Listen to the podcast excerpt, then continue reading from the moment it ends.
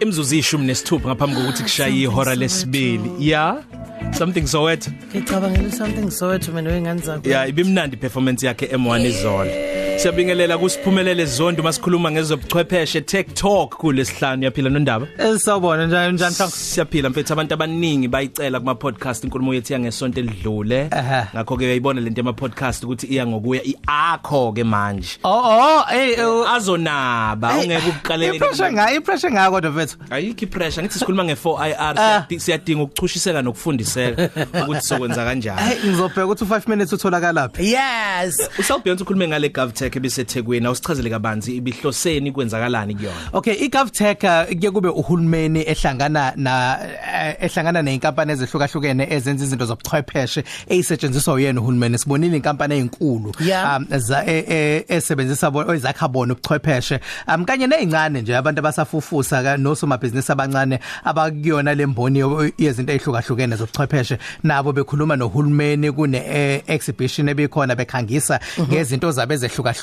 Zobuchwepheshe abanazo abazenzayo Angisho nje ukuthi mangabe ungena lapha kube ngathi ungena kunyaka 2030 Wow. Nga- ngathi nje usuku Hawu 2030 vele vele. 2019 uyakhumbula ama movie yakudala Yeah. uma ngabe sibuka sibona abantu bendiza sibona imoto ezihamba Eh, phezulu ama yeah. drone angethasekhona Yes. zonke lezo zinto bezikhona nazo ku GovTech Babe ba ukuthi extra uthi hayi wona 2019 wena ubona ngathi future nje Bengathi kanti 20 future future Oh my sayikhona G. babe ba extra ke kodwa kulama movie amadala ngoba babegqoka oplastic abasithi Angithi. bedla amaphilisi bethi kona kudlo kwanethayi asikakafiki nje lapha Bengasilokoti. Ezinye zezinto engibonile ke kwiGovTech engihlaba umxhwele ile moto um, yamaphoyisa yeDurban Metro Ehhe. amaphoyisa la umgwaqo enamakhamera ezokwazi ah wena uzochaza hey ing- inkunzi mina ngithi usabantu ke leyo Eh, moto iyathambisa, ngoba eh, babes. i- indlela esebenza ngayo ukuthi ine camera lapha phezulu uyisha uyihambela nje emgaqweni imoto mhlambe makwenzeka ikulandela noma bathi ukujikisa icamera ibheke ngakuwena ishoot number plate ngaso leso sikhathi amaphoyisa necomputer ngaphakathi emotweni. Seyiveza ukuthi imoto ekabani hlobo luni inamathikithi angakanani umnini wayo wakwaba namacala maphi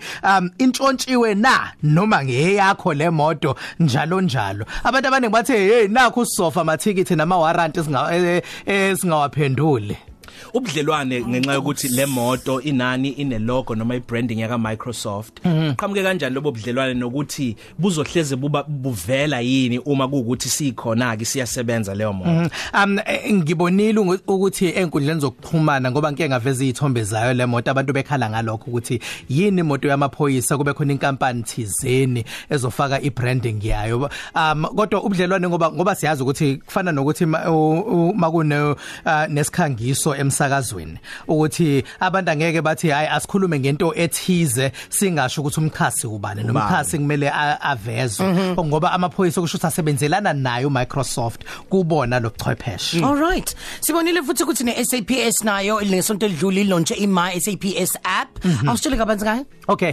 nayo angithi amaphoyisa nawo eza kulesikhathi se- eh, sesimanje manje lesikhathi eh, lesikhathi sesithuthukile ukuthi bathi um into abayenzayo bona bengamaphoyisa ukuthi ungasafoni uma ngabe unenkinga noma ube um nenye indlela yokuxhumana namaphoyisa. Siyase siphela ngesikhathi sedata ukuthi uthola ukuthi awunayo airtime kodwa une data so uyakwazi ukungena kule app uthi ngibona ubugebengu thizeni endaweni ethize.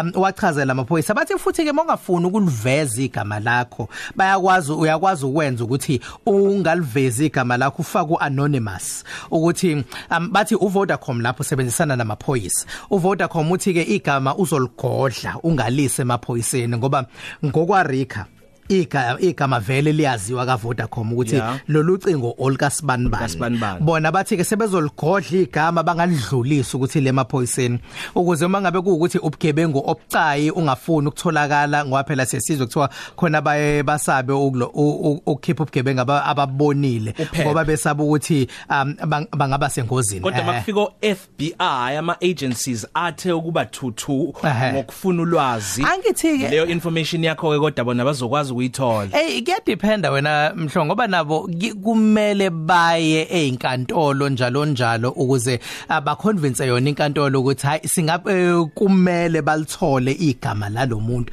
inkantolo kanti futhi mayingavumi angeke baze balithole igama lalowo muntu. Le moto yamaphoyisa ke esebenzana no Microsoft kulindelekeni izoqala nini? Khona ipilot ezoba khona. Ikuphi abantu kumele baqikeleke nje imayisingeni kuthiwe eThekwini iyangena ungakapheli uDecember. Hawu. zizobe zishaga lombili eyingenayo eThekwini ungakapheli uDecember. So ngefestive nje ngesikhathi abantu ah, betheleke eThekwini beze bumnandini zizobe sezikhona eziwu8 Hawu abasesining ne warning nje kuthiwa at next year June. Hawu kuthiwa khona nje manje nje ukuthi awu mangabe ungayilungisile into zakho lungisa ngoba ungathola amaphoyisa sethi dlula uthi awu angivimbelani lamaphoyisa bathi hawu sesibonile ku computer ukuthi hawu most wanted wena. Amathikithi aqhabuka kuwena sabonga kakhulu lo ndaba umabona kude utholakala nini? Kanti ke ama socials khona Okay mabona kude um SABC News Channel DStv 44 njalo ngamasonto half past 8 ebusuku maligama ngehora leshaka lombili social media mangifuna ku Twitter ngu @zondi khona. Mangifuna ku Instagram u@zondi_. siphumelele zondi TikTok kade sixoxa naye namhlanje. Siyabonga kakhulu uzobuya futhi ngesonto. Positive Cafe. Ilunch yakho ayifani neyizolo.